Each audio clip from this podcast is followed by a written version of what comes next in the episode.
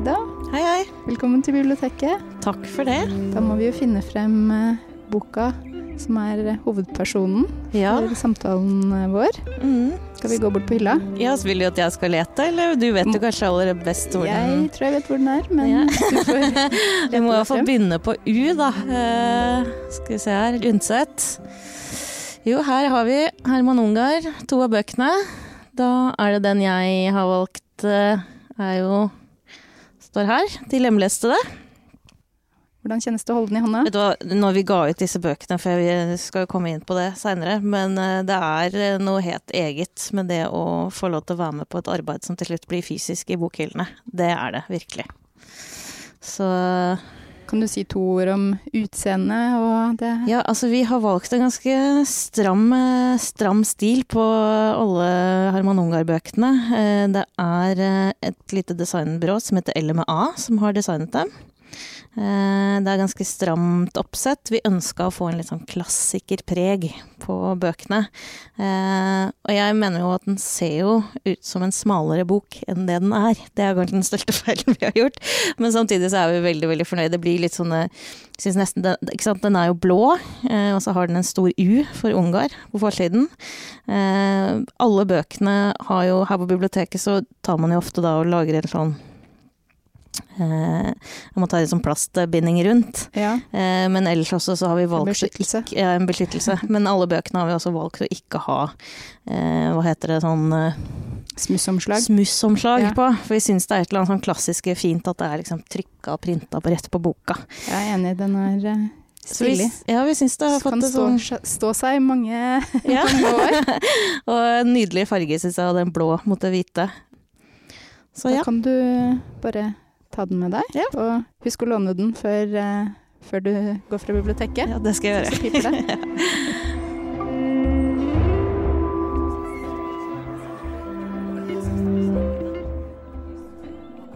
Du hører på Deichman-podkasten Utlånt til, der inviterte gjester forteller om en utvalgt bok som har hatt en spesiell betydning i livet. Jeg heter Kaja og jobber med program og formidling på Deichman. Og dagens gjest er forfatter Ida Fjellbråten. Hjertelig velkommen til biblioteket, Ida. Tusen takk. Mens du blar i boka som du akkurat har plukket ut av hylla, så kan jeg fortelle hvem du er. Du har bakgrunn fra Westerdals og jobber som tekstforfatter. Og så er du da som nevnt forfatter, og debuterte i fjor med den originale og lesverdige romanen 'Jerv'. Den fikk veldig fin mottakelse, og ble også nominert til P2-lytternes romanpris. Mm. Gratulerer med det. Takk skal du ha.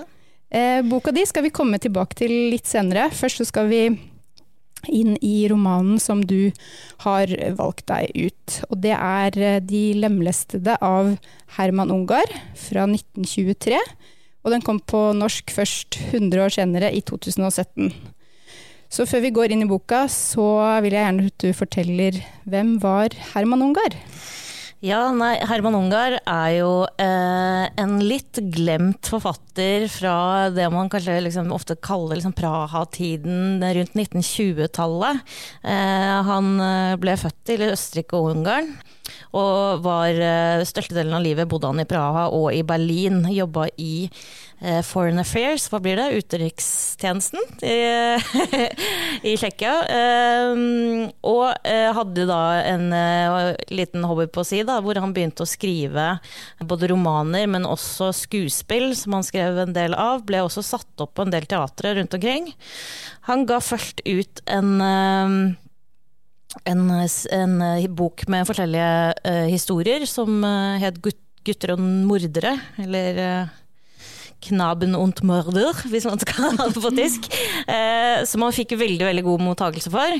Eh, og fikk liksom, kom litt i det gode selskap med Thomas Mann og Max Brodd, som da gikk rundt i gatene der. Eh, så skrev han da seinere denne boka. De lemleste det, og da ble han litt mindre populær, for den syntes de var altfor eh, pervers og ugudelig, og ville ikke ta egentlig i forfatterskapet hans lenger. Og Max Brodd hadde jo egentlig også sett for seg at dette her er ung, ny, et ungt nytt talent. Så for de fleste som vet ikke, hører på, men de vet jo at Max Brodd var jo den som fikk Kafka til å bli kjent for ettertiden.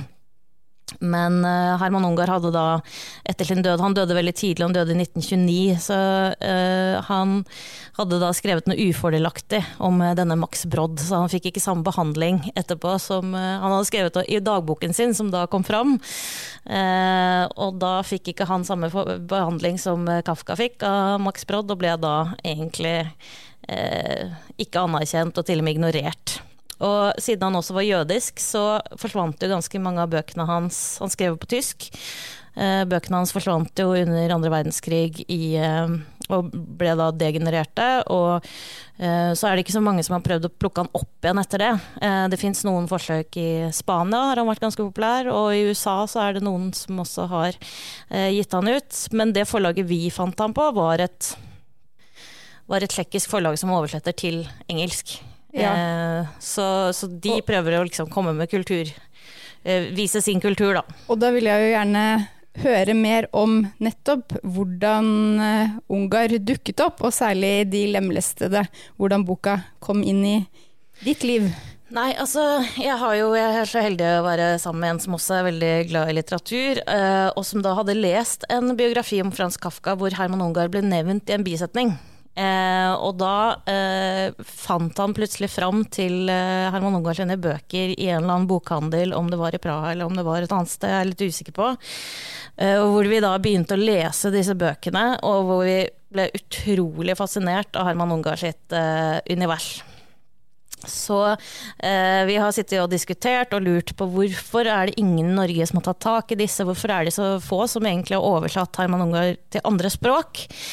Eh, og der man ofte kommer på gode ideer, er jo seint på kveldene i barer. så vi satt på en bar i Berlin hvor vi drakk rødvin og bestemte oss for at men kan ikke vi gi han nytt? Eh, og så begynte vi å snakke om hvordan vi kunne gjøre dette, om vi, hvilken bok vi skulle begynne med osv. Og, så og så eh, bestemte vi oss for da i løpet av den kvelden at nå skal vi bli forlaget som gir ut Herman Ungar på norsk. og da, da var det gjort. ja, da var forlaget etablert? Da var forlaget etablert. Eh, vi ga først ut Klassen eh, på norsk. Og Klassen var en bok som vi liksom tenkte var liksom litt lettere å fortelle om, fordi den boka jeg har valgt her, den er litt vanskelig å fortelle om. For den er altså det er veldig mange historier i én bok. Eh, det er, eh, det er, ikke fryktelig mange karakterer, men de er så outrerte alle sammen at man nesten må forklare hver enkelt av dem for at ikke det skal høres helt absurd ut. Eh, men det gjør det nok uansett, fordi det er en litt absurd roman. Og nå har du jo selv trukket den frem, så jeg tenker at vi bare skal fortsette innover i boka. Og da vil jeg gjerne at du leser et lite utdrag fra innledningen, så vi får et innblikk i hva slags uh, univers dette er. Det kan jeg gjøre. Fra han var 20 år hadde Frans Polser vært funksjonær i en bank. Hver dag klokken kvart på åtte om morgenen gikk han til kontoret sitt, aldri ett minutt før eller senere. Når han gikk ut av sidegaten han bodde i, slo klokken i tårnet tre ganger. I hele den tiden Frans Polser hadde vært funksjonær, hadde han verken skiftet stilling eller bolig. Han flyttet inn i den da han oppga studiet og gikk inn i yrkeslivet. Boligvertinnen hans var enke, omtrent like gammel som han. Da han flyttet inn hos henne, var hun i sørgeåret etter sin mann. I alle de årene han hadde vært funksjonær, hadde Frans Polser aldri vært ute på gaten om formiddagen, bortsett fra søn på søndager. Han kjente ikke lenger hverdagene der ute når forretningene er åpne og en del mennesker presser seg frem i gatene. Han hadde aldri vært borte en eneste dag fra banken. Tusen takk. Hva, hva skjer her? Eh, nei, vi begynner jo veldig tidlig inn i et liv som eh, er eh, som ikke har forandra seg på lang tid. Det har vært eh, det er et begrensa liv hvor han går til jobben om morgenen, hjem på ettermiddagen, leser den avis, teller over alle tingene sine i leiligheten sin, for han er en ganske nervøs type, så han vil helst vite at ingenting er stjålet. Eh, pusser skoene sine, går til sengs, og så eh, opp igjen neste dag, gjør akkurat det samme hver dag. Eh, så man får jo inntrykk av at eh, for det første så er det jo et frampek i det at noe skal skje her. Fordi man tenker at ok, 200 sider med dette kan bli litt uh, kjedelig. Uh, og, um, men man, det er jo en veldig tydelig start inn i et liv som uh, ikke, leves, ikke, kan leves av de fleste over lengre tid. fordi det blir jo veldig ensformig. Men hva begynner etter hvert å foregå og skje i livet til hovedkarakteren Frans Polser? Nei, altså hun, eh, hun, han er jo akkurat innom uh, uh, boligvertinnen her i dette første utdraget som jeg leste. Uh, hun heter Clara Porges. det er mange som også mener at det ligger mye i dette liksom purge, eller dette med renselsen, i navnet hennes allerede der. men Clara Porges holder seg som regel i bakgrunnen gjennom alle disse årene som vi ikke har vært med på Frans Polser. Eh, men så blir hun jo på et tidspunkt eh, så blir hun eh, Hun krever å begynne hun, hun, trenger seg inn i livet hans. Noe som føles veldig ubehagelig for Frans, ja, for Frans Polser. Det er vel generelt ganske mange personer og hendelser som begynner å trenge seg inn i livet hans. Absolutt. Det er flere ting som er veldig, for oss kanskje veldig små ting, eh, men for han så utgjør det veldig store forskjeller i livet. Eh, han går f.eks. rundt med en hatt som han egentlig ikke har tenkt så mye over, som da, han da har arvet av Clara Porges sin avdøde mann. og denne hatten har han egentlig et helt greit forhold til fram til han ser at alle andre menn går med andre hatter og hvor han da får for seg at eh, det må være noe fryktelig galt med hans hatt. Og i en scene der så får han også liksom flere små jenter på gaten til å le, at de ler av hatten hans.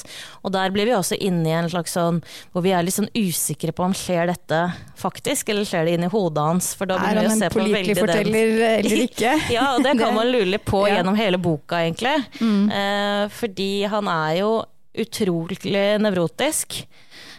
Og er en litt sånn plaga, plaga ung mann, da, rett og slett.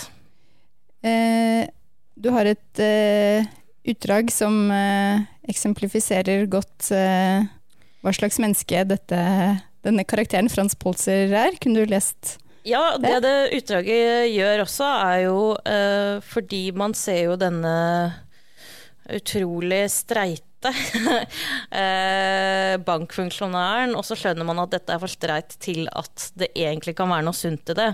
Og ganske tidlig så får vi et inneblikk i eh, noe som skjer han som ung. Om forholdet mellom mann og kvinne hadde han ingen annen forestilling enn at det var noe forferdelig og i og for seg kvalmende. Tanken på en naken kvinnekropp fylte ham med avsky. Han var en gang kommet inn på tantens rom da hun vasket seg. Bildet av hennes avblomstrede overkropp, hennes slapt nedhengende kjøtt, preget seg inn i ham og forsvant ikke fra hukommelsen. Så han får det ganske sånn tidlig videre i dette, så vil vi også se at han eh, den natten, en av nettene han sniker ut, så eh, så får han et inntrykk av at uh, tanten da har nattlige besøk, eller faren har nattlige besøk hos hans tante, altså hans egen søster. Uh, så han får et veldig tidlig ubehag ved liksom både kropp, men spesielt kvinnekroppen, og kvinner generelt. Uh, det er også noe ved tanten som han fester seg veldig merke i, som er skillen i håret hennes. Eh, og som han eh, plages veldig med eh, hver gang han minnes eller ser noen som har noen som ligner. Da. Og Clara Porges, som han bor hos, har da en lignende skill som han sliter litt med å komme seg forbi. Mm. Men eh, vi Du leste jo fra innledningen, og eh, man får inntrykk av at det skal skje eh, ganske lite. Men det er jo en ganske handlingsmetta historie. Eh, den er ikke en veldig tykk bok, men det skjer jo ganske mye på kort eh, tid. Ja, altså Det er jo en veldig stor utvikling i han som karakter, eh, i hvert fall. Eller i hvert fall ting som skjer han, fra at han lever et liv som er totalt rutineprega, til eh, f.eks. dette med hatten. Det er jo også Clara Porges som inviterer han ut på søndagstur, eh, som blir en forferdelig opplevelse for han, fordi søndagene for han er jo på en måte det eneste hellige fridagen han har. Eh, men da setter hun han ut av rutinene ved å ta ham med på søndagstur. Eh, det begynner også med en scene hvor eh, faren han må ta en halv dag eh, i sitt barndoms, eh, på sitt barndomssted fordi faren dør. Um, og han må ned og begrave sin far. Og da er det ganske sånn typiske greier i uh, en sånn scene der som er litt sånn typisk hvor han da klemmer denne tanten og hvor han da føler at alle i begravelsen har blikket sitt på seg. Og det eneste han da ikke klarer å tenke på, eh, han tenker ikke på at han ses på som da den sørgende sønn, men det er at han er redd for at buksesmekken hans skulle være åpen, så han stikker hånden veldig liksom, ofte ned for å liksom, sjekke etter at den er lokka. Eh, og så eh, Da kan man jo tenke seg hvordan det egentlig kan ha sett ut, da, som en uten forstående, og den komikken som uh, Absolutt, og det er jo masse komikk i dette. Uh, men uh, han Clara Porges tar han med ut i verden, eller den lille verden de har, som byr på ting som gjør at rett og slett rutinene hans blir skjøvet litt til side, og som blir et veldig problem for han. I tillegg så har han en en kamerat som han har kjent siden guttedagene, og som man han har et veldig nært forhold til. På grensen til at man nesten kan liksom føle at det er en viss erotikk mellom dem. Men denne kameraten er jo da om man skal si liksom i fysisk form, så er han jo den i boka som er den lemlestede. Eh, selv om boka heter De. Det kan vi jo kanskje snakke mer om etterpå. Jo, men det, eh, gjerne si litt mer om denne eh, tittelen. Hva eh, som ligger i den, da. Eh, ja, altså, du har jo da denne Carl Fanta, som er kameraten som da ligger i en seng full av byller og er syk, eh, og som nesten bare er en torso igjen, fordi eh, han må da stadig amputere lemmer. Eh, vi skal også i løpet av boka amputere en arm til. Eh, så det er jo på en måte en veldig tydelig eh, lemlestet karakter, men så er det jo også veldig mye i eh, selve hovedkarakteren også sitt liv, som også kan føles litt sånn lemlestet i den form av at han ikke lar seg selv på noen som helst måte framstå menneskelig. Han har kutta bort alt i livet sitt som eh, viser svakhet, altså denne frykten for at hatten hans skal være feil, at han skal synes. Eh, på noen som helst måte. Han vil helst være på en måte usynlig, gjøre det han skal, og så forsvinne ut av folks bevissthet. Så han har jo begrensa livet sitt voldsomt, så man kan vel også liksom tenke at de lemlestede har også en grad av liksom hva er det å leve livet fullt ut, eller hva er det å liksom ha nesten et lemlesta liv, da, på en måte. For da er vi jo over på liksom, tematikken. Hva mm. er det denne romanen egentlig handler om, og som er til ettertanke og ikke bare den konkrete handlingen, ja. da. Eh, og det har du allerede sagt noe om, og eh, jeg vet det i hvert fall er to andre romanforfattere som du vil trekke inn som kan minne om. Uh, ja, absolutt. Uh, jeg syns jo kanskje litt sånn også i språklig form, så, så, så, har han noen likhetstrekk med vår egen Dag Solstad. Det er noen scener f.eks. i uh, det er en scene i Irr grønt til Solstad som har satt seg veldig i meg siden jeg leste den da jeg var ung. Og da, det er at hovedpersonen har han, han sni, snoker ute i en hage, og for å ikke bli lagt merke til, så, så ligger han der hele natten og drar da eh, for heldigvis tak i et Aftenposten, som, da, som var en veldig stor avis i gamle dager, som han da kunne legge under seg. Og liksom hele den hvor han egentlig bare har bygd opp hele dette scenarioet i sitt eget hode. Det er veldig eh, Ting blir Herman, veldig stort. Ting blir veldig stort, ja. som egentlig ikke er så dramatiske, og omvendt av og mm. til. Um, og, så jeg syns at han har eh, veldig store eh, Eller at man kan lese litt av liksom, hvert fall eh, Dag Solstads komikk eh, inn i eh, inn i Herman Ungar, men også Kafka. Absolutt. Kafka er vel kanskje mer allegorisk enn det jeg vil mm. si eh, Herman Ungar har. Jeg syns det er også at Herman Ungar er mer lettlest, på en måte. Altså, det er masse undertekst, og man kan sitte igjen til ettertanke, men det er også en bok man kan lese for ren underholdningens skyld. Ja. Eh, for det er Jeg mener at det er uhyre morsomt, og eh, en god fortelling. Eh, men så har man jo også litt sånn i forhold til Kafka eh, Hvis vi ser på forvandlingen, eh, handler jo også litt om eh, Eller metamorfosen, da. Det handler jo også litt om hva skjer hvis man ikke lever et som Solstad da skrev om eh, det å leve, kunsten å leve et inautentisk liv. Altså, men hva skjer hvis du lever langt unna det, å, det, å egentlig, det som er naturlig da, for mennesket? Ja. Og du fornekter de menneskelige delene av deg. Eh, så kommer det de kommer nok tilbake og henter deg på et eller annet tidspunkt, da. og her går det ganske eh, fort nedfor. Eh, og, eh, for han har jo ikke egentlig øvd seg heller i å være noe menneske. Han har prøvd å la være. Så veldig små situasjoner blir jo fryktelig vanskelig for han. Ja, det Vi skal ikke avsløre helt hvordan det går, men før vi eh, snakker mer om de lemlestede, så mm tenkte jeg vi skulle ta en liten avstikker til uh, din egen eh, roman, som ja. uh, jeg nevnte innledningsvis. Det var en uh, usedvanlig usedvanlig debut i den forstand at den i tillegg til å være lesverdig, ganske brutal, modig og har et At den tematisk utmerker seg. I kontrast til en rekke andre samtidsforfattere, og kanskje særlig debutanter som har en tendens til å skrive om eh, egen oppvekst og eget liv, men det gjør ikke du. Hva Nei. skjer i Jerv? eh, jerv er jo eh, Det er en fortelling som eh, handler om eh, da en jerv. Vi ser, vi ser, historien fra en jervs perspektiv, men først og fremst en ung jente som har et eh, begrensa verdenssyn. Altså hun har, hun har hun sliter uh, Vi vet ikke helt hva som feiler henne, men vi merker at hun har en litt sånn barnlig og underutvikla blikk på verden.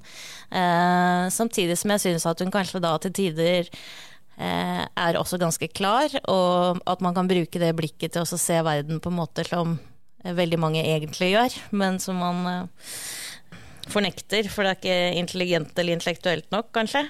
Men det som skjer i den boka, er jo eh, rett og slett også Det er jo en undergangsroman på mange måter. Eh, det er en dag vi går rundt i dyreparken som hun jobber i, og det fins ingen mennesker der. Hun bor på institusjon, eh, våkner opp der, der er det heller ingen mennesker.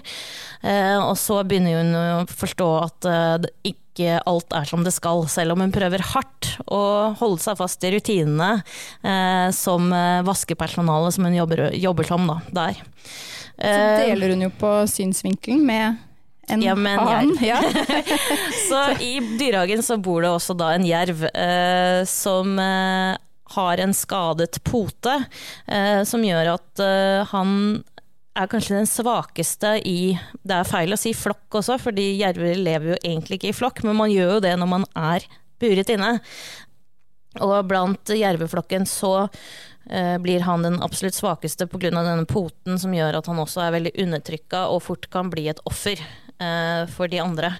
Eh, så gjennom den boka så går vi jo inn i en del både liksom Eh, menneskelige faktorer, se på hvor langt kan man trekke et menneske, og hvorfor skjer Hvor er det vi nesten nærmer oss dyret? Eh, og hva er det menneskelige, og hva er det dyriske, kanskje?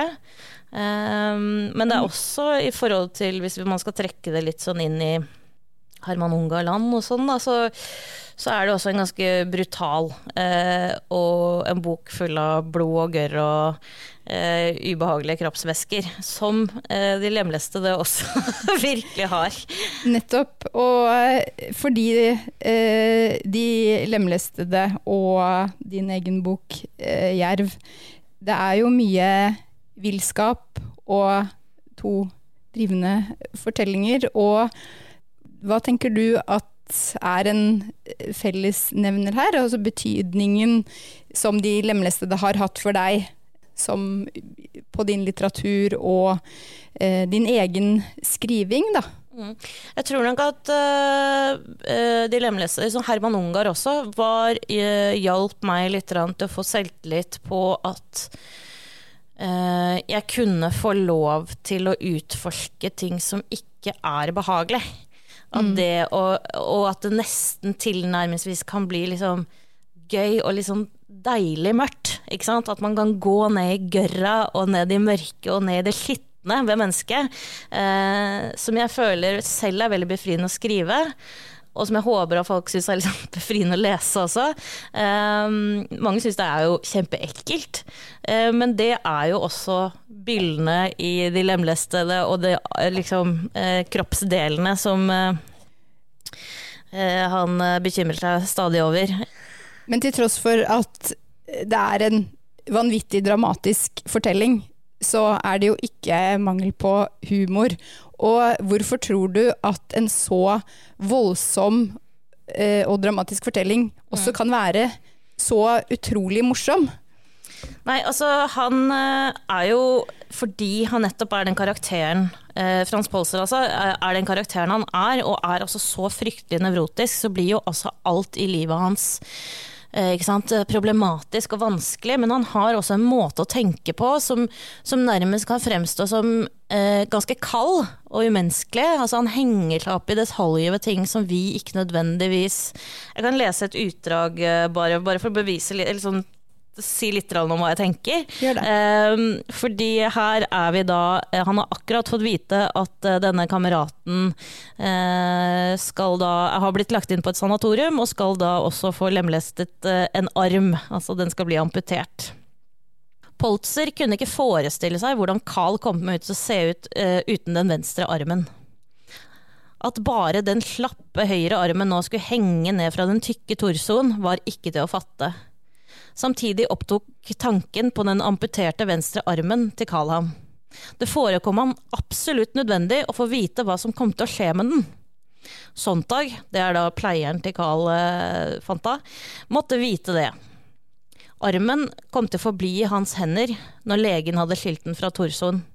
Det foruroliget Polser at Sontag kunne kaste armen, slik slaktere kaster de stinkende innvollene til slaktede okser ned i en grøft. Hva kommer Sontag til å gjøre med den amputerte armen, spurte han. Ikke sant? Så i stedet for at han bekymrer seg over livet til sin kamerat, så blir han veldig opphengt, og det her, er flere, det her går over flere sider, hvor han da er veldig opphengt i eh, hva skjer med den kroppsdelen de da har tatt vekk? Helt konkret, hvor skal armen Hvor skal plasseres? armen? Ja. Han finner vel ut til slutt at den blir bare begrava ute på gårdsplassen der. Men eh, Så det er ikke noe større seremoni. Men eh, eh, det er en veldig klassisk eksempel på hans tankegang, som jeg syns også gjør det veldig liksom eh, humoristisk og morsomt. Og så er det jo et eller annet med disse situasjonene i livet som man også har kjent på selv i situasjoner hvor ting skal være litt opphøyd. La oss si at det er liksom en begravelse eller et bryllup, eller, og så skjer det allikevel sånne praktiske ting som man plutselig må bekymre seg over. Eh, Så jeg, jeg føler at jeg kjenner meg mye igjen i også sånn plutselig at man liksom Mennesket i deg og det, empatien din burde ligge på dette riktige, og så ender du opp med å henge deg opp i noe helt annet. Eh, og kanskje det er en forsvarsmekanisme, eh, men uansett så syns jeg det er uhyre morsomt hvordan han gjør dette gjennom hele boka, egentlig. Ja, jeg er helt enig med deg at jeg tror mye av komikken og humoren også ligger i nettopp den gjenkjennelsen, da, til tross for det utrolig dramatiske og eh, voldsomme og groteske som, eh, som skjer. Nå tror jeg ikke vi skal avsløre så veldig mye mer av eh, boka, for eh, vi ønsker vel begge to å oppfordre på det aller sterkeste til å lese både De lemleste, men også din bok eh, 'Jerv'. Forlagets beskrivelse av din debutbok den var eh, en brutal, sår og drivende fortelling om kroppsvæsker, kjefter, tenner, gjørme og bitt, og om natur og kultur. Det er jo ikke så veldig langt unna, unna Herman Ungars eget univers, Nei, eh, tenker jeg. det stemmer nok. Eh, helt avslutningsvis, det har jo vært litt arbeid med å starte forlag og utgi Herman Ungar, og det dukket opp en spesiell person i dette arbeidet. Ja, det var veldig gøy. Det var ganske tidlig så lagde vi en Facebook-side eh, hvor vi fortalte litt om prosjektet og hva vi hadde satt i gang. Eh, og da eh, gjorde jeg også noen søk på nettet, og så fant jeg ut at eh, Herman Ungars sønn flyktet til England. Han var jo også selvfølgelig jødisk, så han flyttet til England under krigen. Tok da et navn som var Tom Unwin. Han var jo i utgangspunktet kalt opp etter Thomas Mann, fordi Thomas Mann var faktisk hans gudfar, så Herman Ungar hadde liksom et godt forhold til eh, de store, store forfatterne eh, fra den tiden. Nei, men da, da også dukket hun opp på Facebook-siden vår, Wiki Unwin heter hun, så det er da barnebarnet til Herman Ungar. Så hun har jo fått tilsendt alle bøkene, og er jo strålende fornøyd med at eh, noen har tatt tak i eh, bestefars legacy og Ja. fører det videre. At han lever videre og forhåpentligvis får et langt eh, liv. Mm. Men eh, den historien sier jo noe om eh, hvilke kretser som Herman Ungar vanket i, da, og som var hans eh, samtidige. Absolutt. Ida, tusen takk for eh, samtalen og for at du tok turen til eh, biblioteket. Og tusen takk til deg som har lyttet på Deichman-podkasten Utlånt til. Bøkene vi har snakket om, De lemlestede av Herman Ungar og Ida Fjellbråtens egen roman 'Jerv', kan naturligvis lånes på biblioteket, begge to. Dette er en podkast fra Deichman, hele Oslos folkebibliotek.